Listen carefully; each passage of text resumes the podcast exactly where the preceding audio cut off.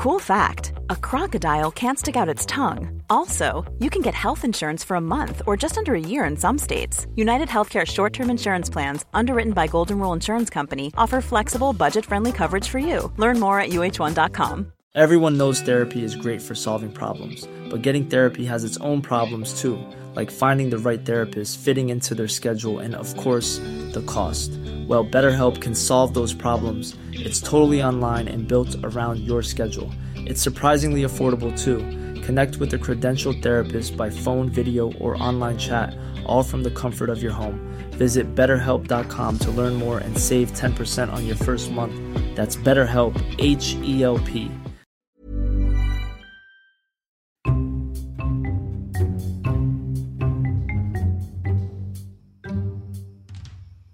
في يوم من أيام أكتوبر الغائمة جزئيا بمدينة بيلفاست بأيرلندا سنة 1888 كان جون بويد دانلوب قاعد عم يفكر ومهموم ابنه عم يلعب على دراجة هوائية إطاراتها خشبية وعم تلبكه كتير على الطرقات المرصوفة بالحجار وتتكسر.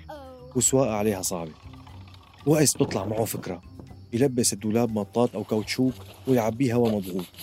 وفعلا عمل دراجة جديدة لابنه والاختلاف كان كبير كتير. السواقة صارت ممتعة وسلسة وسهلة. دانلوب اللي نقرأ اسمه على ماركة الدواليب هو هو. أخذ براءة الاختراع وانتشرت الإطارات المطاطية ومعها زاد الطلب على المطاط بشكل صاروخي. المطاط اللي كان أكثر مكان بنوجد فيه هو وسط أفريقيا أو ما يعرف بالكونغو يلي كان تحت سيطرة ملك بلجيكا بهديك الفترة ليوبولد الثاني. شو رأيكم يا شباب؟ نسميه من بيت؟ لا بالمرة سميه شجرة حبيبي. من بيت يا شباب. وين فكر حالك؟ معك عاد معك حق مزبوط بس لا ليش حتى أنت يا شباب؟ عم أفتح؟ المعجم؟ آه، من بيت من مرادفات كلمة أصل. وإذا أخذنا الأصل الجذر اللغوي. أهلين وسهلين ومرحبتين ببودكاست من بيت. من إنتاج صوت معي أنا بشر نجار.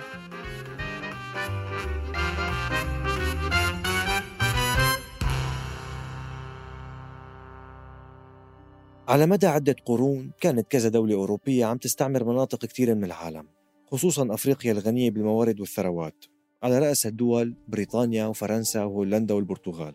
طيب كيف كانوا يبرروا وجودهم واستعمارهم لأفريقيا والمئة مليون نسمة اللي فيها؟ ومناطق تانية بآسيا كمان بالذات بعد إلغاء العبودية وإعلان حقوق الإنسان. العلماء بهديك الفترة كان عندهم جواب لهدول الأسئلة. الفكرة اللي كانت مسيطرة على المجتمع العلمي الأنثروبولوجي بوقتها هي تفوق العرق الأبيض. وليثبتوا هالشي كانوا يجيبوا جماجم من المستعمرات ويقيسوا أبعادها المختلفة ووزنها وشكلها تحت اسم علم قياس الجماجم كرانيومتري وبسنة 1885 صرح الوزير الفرنسي جول فيغي بكل ثقة أنه واجب العرق المتفوق نقل الحضارة للأعراق الدنيا. ما حدا استغرب هالتصريح بأوروبا. كان هذا الطبيعي. معظم العلماء كانوا يأكدوا بعد تجارب كتيرة أنه العرق الأبيض هو الأذكى لدرجة يقولوا أنه حتى الشمس هي من حق الأبيض. مع أنه تبين أنه كانوا يكذبوا بنتائج التجارب بس حكيهم برر الاستعمار بشكل أو بآخر. وصار العالم موزع بين هالدول تقريبا وكانت الفكرة المنتشرة بهديك الفترة أنه لتصير دولة عظيمة لازم يكون عندها مستعمرات. وهي كانت فكرة أول ملك لبلجيكا ليوبولد الأول وورتها لابنه ليوبولد الثاني اللي آمن فيها واشتغل عليها بس وصل متأخر. وما كان بقيان بالعالم غير كم مكان مستعمرين أو مستقلين. والوضع بأفريقيا متأزم بين الدول الأوروبية مشان يتقاسموا الكعكة. قام دعا المستشار الألماني بيسمارك لمؤتمر برلين سنة 1884 1885 ليتفقوا ويتقاسموا وكان من الأماكن القليلة البقيانة هو وسط أفريقيا يلي كان يعتبر مكان مجهول تماما. بس بالسبعينات من نفس القرن بعت الملك البلجيكي ليوبولد الثاني مستكشف بريطاني استكشف المكان ومهد لسيطرة بلجيكا عليه. وبمؤتمر برلين طلعت هالمنطقة من نصيب بلجيكا. وتأسست فيها دولة تسمى بدولة الكونغو الحرة. يلي ما كانت مستعمرة بس كمان بنفس الوقت ما كانت دولة مستقلة. كانت ملك شخصي لملك بلجيكا ليوبولد الثاني اللي سعى أنه يعمل مجد له لبلجيكا عن طريق السيطرة عليها. أما باقي أفريقيا فكان موزع بين بريطانيا وفرنسا والبرتغال وألمانيا وإسبانيا وإيطاليا.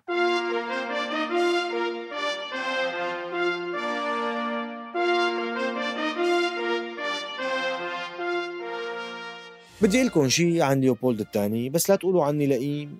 أنا عم بحكي تاريخ وما لي علاقة باللي صار. الحقيقة أنه أمه وأبوه لليوبولد الثاني ما كانوا يحبوه. أبوه وصفه بالطاغية الصغير وأمه قالت له أنه مناخيره كبار. وشكله مثل الطير كان بشكل عام غير محبوب من يلي حواليه. حتى بعد ما تزوج مرته ما كانت تطيقه. بس لما استلم العرش كان في فكرة متبلورة براسه. المجد له لبلجيكا. وتحقق هالشي بسيطرته على الكونغو يلي مساحتها حوالي مليون ميل مربع 80 ضعف مساحة بلجيكا. والحجة كالعادة جاهزة السكان المحليين كسلانين وبمستوى أقل لأسباب بيولوجية وثقافية وبالتالي لازم ينقلوا لهم الحضارة. بس فكرة ليوبولد عن الاستعمار هي إنه ياخذ كل خيرات المستعمرة ويجيبها لبلده وهالفكرة كانت قديمة وعمرها شي 100 سنة بالنسبة لوقتها. لأنه الاستعمار الحديث بوقتها عم نحكي عن النصف الثاني من القرن التاسع عشر صار بيشتغل على إبقاء الثروات أو قسم منها بالمستعمرة واستخدامها لتصرف على الجيش المستعمر والبناء والتطوير والباقي بيجيبوه أما ليوبولد الثاني فتعامل معها ككنز بده ينهبه خصوصا أنه كانت أوضاع بلجيكا الاقتصادية مو كتير تمام. خلينا نرجع لبداية حكايتنا. بال 1880 وال 1890 كان العالم محتاج للمطاط لصناعة السيارات والدراجات.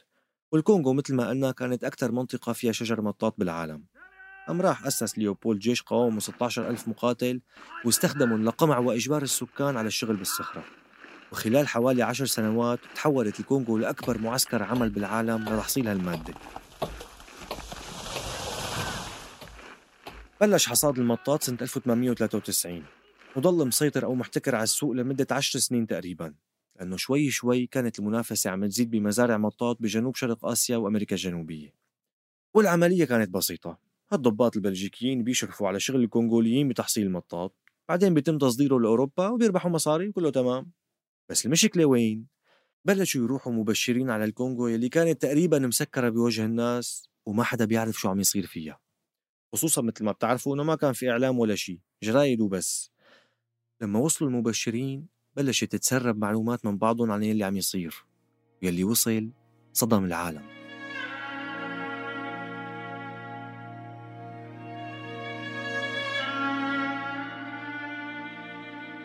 في مقولة مشهورة راجت بين الكونغوليين بهديك الفترة. الكاوتشوك يساوي الموت. بعض المبشرين يلي شافوا الفظائع بلشوا ينقلوها لبلادهم خصوصا بريطانيا وبلشت تنفضح ممارسات بلجيكا بدولة الكونغو الحرة. البلجيكيين كانوا يطلبوا كمية محددة من المطاط من كل كونغولي. طيب وإذا ما جابها بيتعاقب. كيف بيتعاقب؟ ممكن يقطعوا له إيده يقطعوا له رجله أو يعذبوه أكثر من هيك. وممكن حتى يقتلوه بس لأنه ما جاب الكمية المطلوبة. تقطيع اليدين كان يصير بالمئات وبالآلاف إذا ما جابوا محصول كافي. والضباط كانوا يطلبوا من الجنود يلي كمان الاحتمال الأكبر أنهم أفارقة أنهم يقطعوا إيدين بكمية معينة باليوم. كانوا يعطوا الجنود عدد معين من الرصاص ويحاسبوهم بعدد الإيدين اللي يجيبوها. وكانوا الجنود يدخنوا الإيدين ليحفظوها وما تنتزع ويورجوها للضباط معلمينهم مشان يعرفوا إنه استخدموا الفشك أو الذخيرة بشكل جيد وما ضيعوا منه شيء على الفاضي بدون قتل.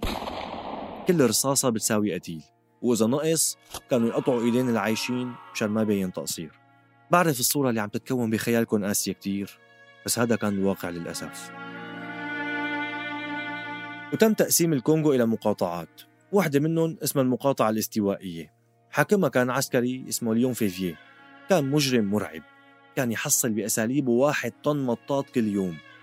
كان سبب بتشويه حوالي ألف شخص وهجرات بالملايين. كتب بتقرير للحاكم تبعه مرة قتلنا 1300 شخص دمرنا 162 قرية حرقنا المزارع والمحاصيل لنجوع الناس للموت. وإنه راح يحصل حوالي 25 طن مطاط بالشهر. وما استخدم غير 3000 خرطوش بس ولقبوه السود بشيطان الإقليم الاستوائي حتى أنه ضابط بلجيكي تاني زار المقاطعة وسماها أرض الرعب.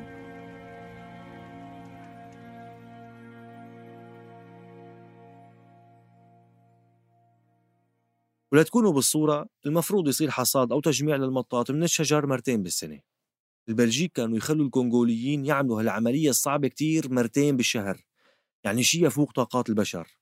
ومع ذلك ضل الطلب عم يزيد وخصوصا بالبداية مثل ما قلنا لأنه المنافسة كانت شبه معدومة.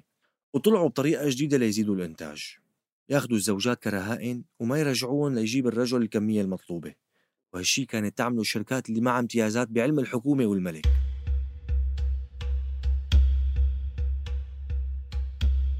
والأبشع إنه الشركات كانوا ياخذوا شهادة أو إذن بإنه معلش ياخذوا رهائن.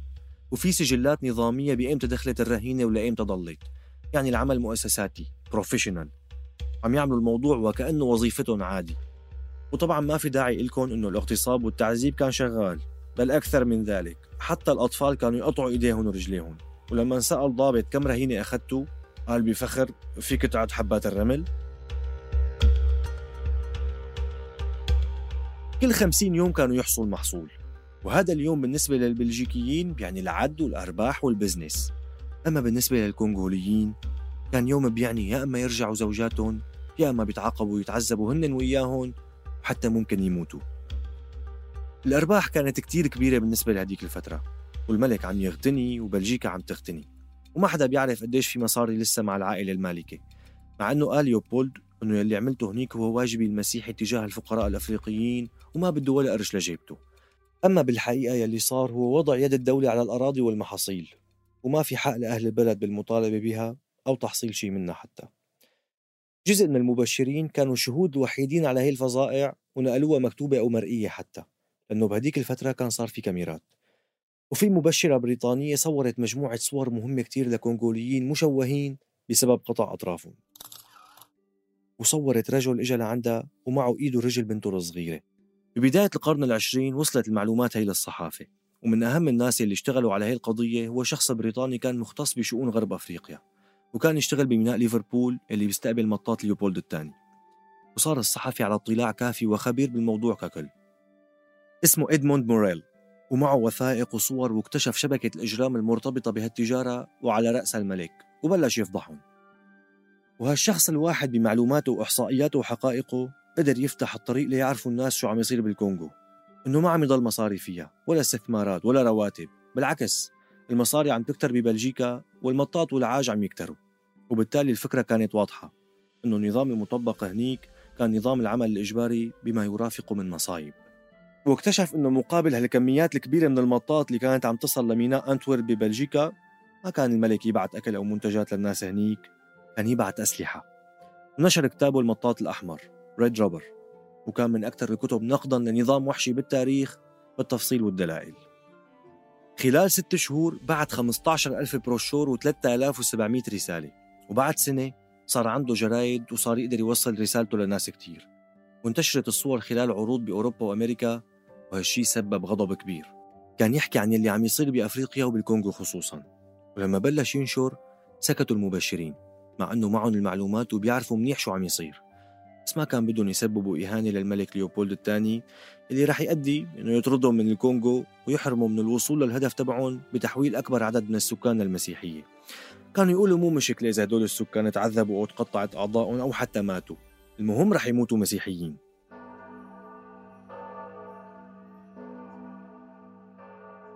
ليوبولد الثاني حارب ببروباغندا مضادة وعمل مكاتب تشتغل على تبييض صفحته واشترى كتاب وصحفيين بأمريكا وألمانيا وبلجيكا وطلع جرايد.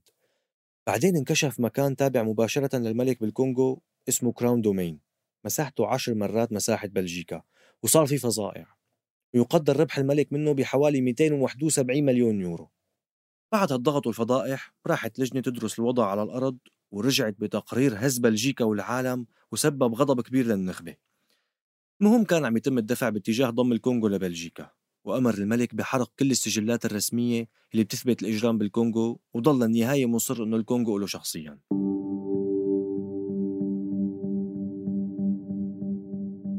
بال 1908 فرض البرلمان البلجيكي ضمها وصارت الكونغو رسميا مستعمرة بلجيكية وعطوا مكافأة للملك على كرمه وجهوده. ومات سنة 1909 وكان بوقتها أكثر شخص مكروه بأوروبا ضل هيك لطلع أدولف هتلر.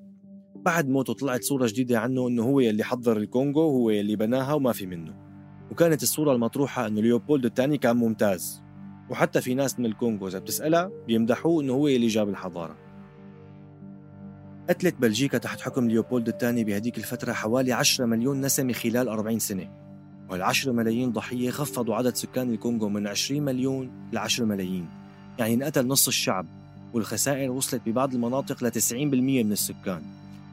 وبعد ما صارت الكونغو مستعمرة بلشت بلجيكا تستفيد من الثروات الكونغولية وبحسب قولهم يحضروا السكان ويعلمون وتزدهر الأمور. ونجحت الاستراتيجية وانتست كل الفظائع اللي صارت وكسبت بلجيكا. وما حدا عوض الكونغو وطلع الملك إنساني وحضاري.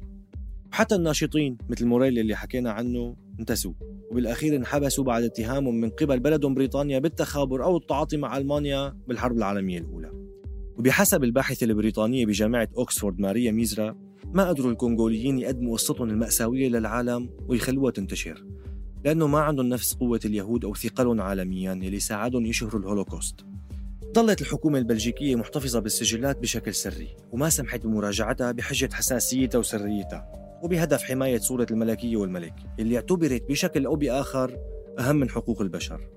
ومن الأمثلة يلي بتورجي وجهة نظر بعض الناس مثلا مدير متحف أفريقيا الوسطى الملكي ببلجيكا يلي بيقول أكيد صار شغلات سيئة بالكونغو بس هالشي صار ببلاد تانية كمان ومن مستعمرين تانيين مو بس ببلجيكا. ومثال تاني عن كتاب صدر بالثمانينات بينتقد جرائم بلجيكا والملك بالكونغو بس تمت محاربته من تجمع محاربين قدماء pro بلجيك وحاكموا وزارة التعليم مشان الكاتب اللي كان أستاذ بالمدرسة واتهموه بإهانة ليوبولد الثاني. وكثير من تماثيل ليوبولد الثاني لسه موجودة ببلجيكا لليوم. عرضت للتخريب عدة مرات آخرها خلال الاحتجاجات اللي انطلقت بعد مقتل جورج فلويد. أما تماثيله يلي بالكونغو اللي كان ممنوع الكونغولي يمر من قدامها حصرا من وراها لازم يمر صارت حاليا بالخرابات مرمية.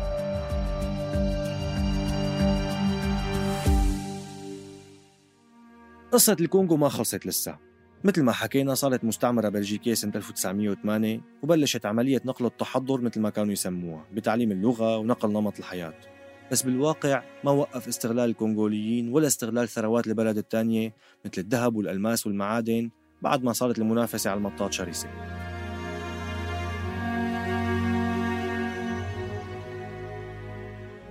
مرت سنين وبلش يتغير الوضع. وبنيسان أبريل سنة 1956 وصلت مجموعة من النخبة من السكان الأصليين الكونغوليين على بروكسل على شكل وفد. وبيناتهم رجل اسمه باتريس لومومبا. وهالنخبة كانوا البلجيكيين بدهم يعتمدوا عليهم لبناء البلد. البلد اللي طبعا لازم يضل بلجيكا محل فيه. خلونا نرجع بالوقت شوي ونعرف مين لومومبا. لومومبا كان يشتغل بمعمل بيرة وكانت مهمته ترويجها للسكان الأصليين. وفعلا نجح كتير. كان يصير تجمعات والناس يشربوا ويجتمعوا ويحكوا. هو يكون موجود والحديث يصير سياسي بسرعة. يحكوا عن الوضع بالبلد والتحرر والاستقلال والاستعمار. والوعي انتشر بين الناس. كلمة الاستقلال اللي كانت تابو ممنوعة بالأربعينات هلأ كل الناس عم تحكيها عادي. ولومومبا كان عم يفكر طول الوقت بالاستقلال والتحرر من البلجيكيين بس مو بالضرورة بسرعة ولا بشكل صدامي. كان بده إياه يصير بالتعاون معهم لأنه كان يفكر يمكن أنه راح يتفهموا وبدهم مصلحة الكونغو. المهم بشكل أو بآخر نجح وصار من نخبة السكان الأصليين. لما وصلت هالنخبة على بروكسل مثل ما حكينا كان لازم يورجوا إنهم بيستاهلوا الثقة وإنهم متحضرين بشكل كافي. وكان لازم يزوروا تماثيل ليوبولد الثاني ويفرجوا احترامهم للي وصل لهم الحضارة وبنفس الوقت قتلهم قبل 60 سنة. لومومبا كان هدفه المستقبل بده يطور بلده وينقل نموذج تطور بلجيكا للكونغو والصناعة والتكنولوجيا. ضل يتفرج هو والوفد ويشوفوا التطور والتحضر. وقال بقلبه هيك بدي تماما. بدنا نعمر بلدنا ونطوره نحن النخبة مع يلي استعمرنا. ببلد بيتساوى فيه البيض والسود. وبلشوا البلجيكيين يوثقوا فيه أكثر حتى سمحوا له سنة 1958 يروح على مؤتمر الشعوب الأفريقية. والمؤتمر كان هادي كتير وما له أهداف نضالية حقيقية. وبالمجمل كانوا الموجودين عم يدوروا حول فكرة تعايش المستعمر والمستعمر ولو بعد الاستقلال. لحتى أجا مبعوث جبهة التحرير الجزائرية اللي كان أفريقي مو جزائري بس متحدث باسمه. وحكى أنه عن أي سلمية تتحدثون في وجه القصف والتعذيب والإبادة والاحتلال. الحكي هز كيان لومومبا الهادي المسالم إنه كيف حدا أسود بيعبر بهي القوة بهي الثقة. ونحن الأضعف ولازم نضل مقتنعين بتفوق المستعمر الأبيض. يا ترى النضال السلمي هو الحل للمقاومه بس قال لحاله متفائلا إنه الكونغو مو مثل الجزائر. بلجيكا أقل عنادا من فرنسا. مع هيك بلش خطابه يصير أقوى وشعبيته تزيد والبلجيك بلشوا يراقبوه.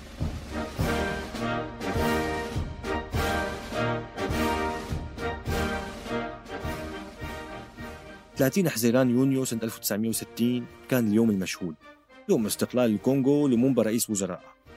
وصل بودوان ملك بلجيكا ليشارك باحتفال الاستقلال وبلش يخطب بالاحتفال إنه هذا الاستقلال هو استكمال لعبقرية الملك الراحل ليوبولد الثاني وشجاعته ومثابرته هو وبلجيكا. وصار دور لومومبا وخطب باسم الكونغوليين وفاجأ الجميع.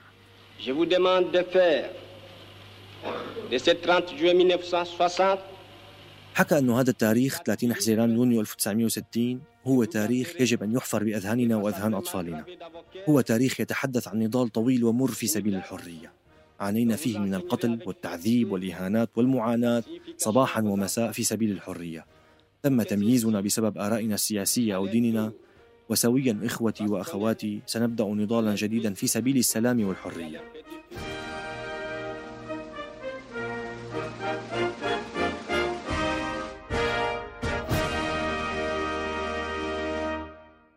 الكلام ما كان وقعه لطيف على أذني الملك البلجيكي وكان لازم يعاقبه وظلت بلجيكا محتلة جنوب الكونغو لتحافظ على سيطرتها على ثرواتها من ذهب وألماس وغيره من الموارد. وأكيد دولة بلا مواردها المهمة بتكون فاشلة لهيك راح لومومبا واتصل بالسوفييت ليساعدوا بعز الحرب الباردة مع أمريكا وبالتالي صار عدوها وكان في وزير دولة اسمه موبوتو سيسي سيكو كان يكره الشيوعية ولقى فرصته بهالفترة. حكى الأمريكان والبلجيك وعرض عليهم يتخلص من لومومبا. بعد بكم شهر اعتقلوا وعرضوا كسجين قدام الكاميرات والعالم كله. وقت الاستقلال بتكون الآمال كبيرة والأحلام أكبر وفي تفاؤل وإحساس حلو.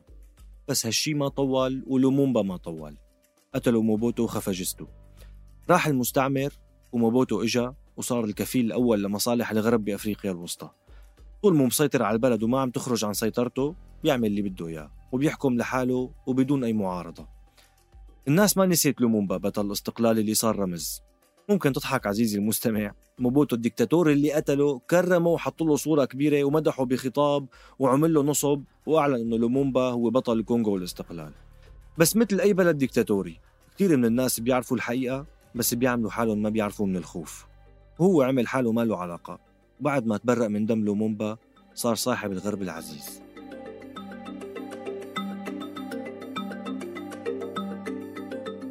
وليضمن بقاء أصحابه بالغرب بالحكم كان يدعم حملات انتخابية وشركات عالمية كبيرة ويبيع ثروات بلده. يعني صار بالنسبة لحلفائه دكتاتور مو عادي. الأحسن مدير للشؤون الأفريقية ونموذج ضل شغال 32 سنة وعطى أمثلة لدول أفريقية تانية كتير. وبسنة 1997 وبعد ما جازر دولة رواندا المجاورة صارت حرب أهلية قضت على موبوتو وبعدها حرب أهلية تانية استمرت لسنة 2002-2003 وراح ضحيتها ما بين 3 ل 5.5 مليون قتيل والأمور مو مستقرة لليوم. شعب فقير نسبة لجوء عالية عالميا وآثار الإبادة والقتل والاستعمار والحروب الأهلية لسه موجودة وعم تنتقل من جيل لجيل.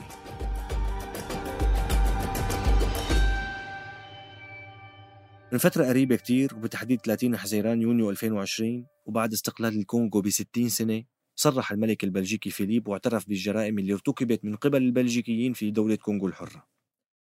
وعبر عن حزنه وتضامنه وأسفه وتمنى المستقبل يحمل تعاون وعلاقات أفضل ممكن تعالج الماضي البشع شوي.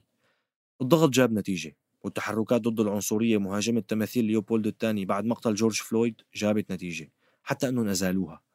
أكيد هالتصريح ما بيعوض شيء بس على الأقل ممكن يريح ناس مظلومين ويبشر بالخير. بالنهاية يمكن فينا نقول إنه هالمثال موجود ببلادنا بشكل أو بآخر وبنسب مختلفة موجود. أكيد كل حدا سمع هالحلقة شاف بلده بتفصيل أو أكثر من يلي انذكر. وأكيد مو هدف الحلقة اليوم هو بس سرد تاريخي لأحداث أو قصة الكونغو. الهدف كمان هو المقارنة والدراسة والاستفادة. الكونغو لهلأ ما قدرت تتخلص من آثار الاستعمار والديكتاتورية والحروب. أما أنت وأنت أعزائي المستمعين فبتوقع أنه دوركم ما بينحصر بس بكونكم مستمعين لأنه الهدف من الاستماع هو التحرك. ولو كانت بداية التحرك بسيطة ممثلة بالاعتراض على أي نوع من الظلم أو الاستبداد. أو العنصرية.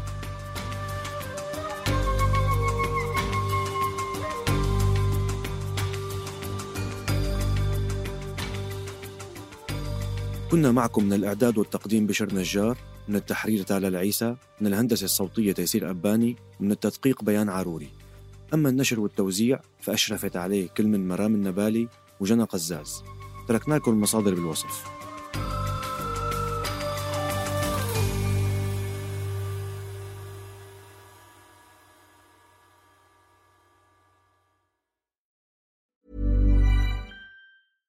Even when we're on a budget, we still deserve nice things.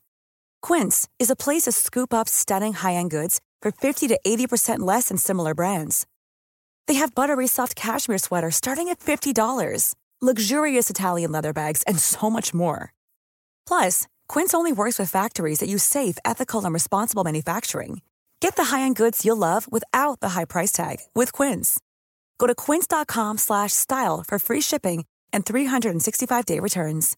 When you make decisions for your company, you look for the no brainers. And if you have a lot of mailing to do, stamps.com is the ultimate no brainer. It streamlines your processes to make your business more efficient, which makes you less busy. Mail checks, invoices, legal documents, and everything you need to keep your business running with stamps.com. Seamlessly connect with every major marketplace and shopping cart. Schedule package pickups and see your cheapest and fastest shipping options from different carriers with rates up to 89% off USPS and UPS rates. And with the stamps.com mobile app, you can take care of mailing and shipping wherever you are. Make the same no-brainer decision as over 1 million other businesses with stamps.com. Sign up with code program for a 4-week trial plus free postage and a free digital scale. No long-term commitments or contracts. That's stamps.com. Code program.